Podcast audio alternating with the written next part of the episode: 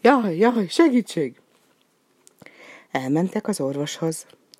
Kasia köszönt szépen. Pikpok előkelően meghajolt, és ezt mondta. Doktor bácsi, kérem, úgy érzem, már nem is fáj a hasam. Biztosan csak azért fájt, mert kimelegettem. Kasia a fülébe súgta. Nem baj, minden esetre hadd vizsgálja meg a doktor bácsi. Minden esetre, felelt a pingvin, jobban szeretném, ha lenne egy konzervnyitóm. Mit recseksz már megint? Azt hiszem, ha lett volna egy konzervnyitóm, most meg sem kellene vizsgálni. De a doktor bácsi hallani sem akart a konzervnyitóról.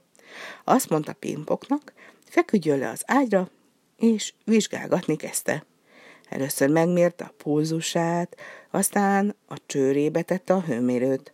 Azt mondta, lélegezzen mélyen, végül kövér hasikóját kezdte nyomkodni, és amikor erősebben megnyomta, szegény pikpok felsziszent fájdalmában, s torka szakadtából kiabálni kezdett.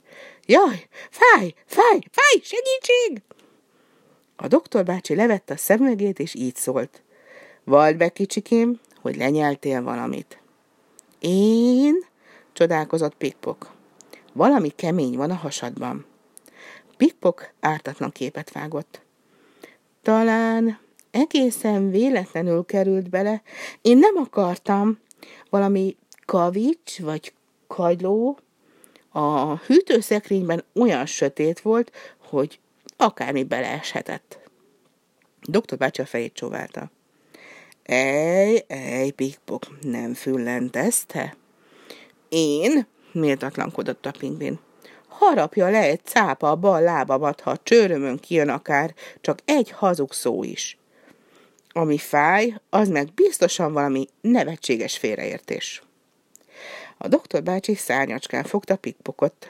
Meglátjuk. Rögtön megröngenezünk, és megvizsgáljuk, micsoda tévedés csücsül a hasadban. Jaj, jaj, jaj, jaj, kiabált Pikpok. Feltétlenül szükséges ez? Szükséges bizony, mert különben nagy baj lehet belőle. A pingvin lehorgasztotta a csőrét.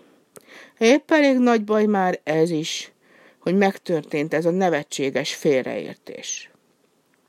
A doktor bácsi ismét feltette a szemüvegét, aztán átvezette Pikpokot abba a szobába, ahol a betegeket röngenezik. Ott azt mondta neki, hogy álljon a röngen készülék elé, és hirtelen sötét lett. Jaj, jaj, jaj, jaj, jajgatott suttogva a pingvin. Azt hiszem, elvesztem. De nem így történt. Egy pillanat múlva valami csattant, aztán csikorgás hallatszott, és a doktor bácsi azt mondta, hogy már készen is vannak a felvételek.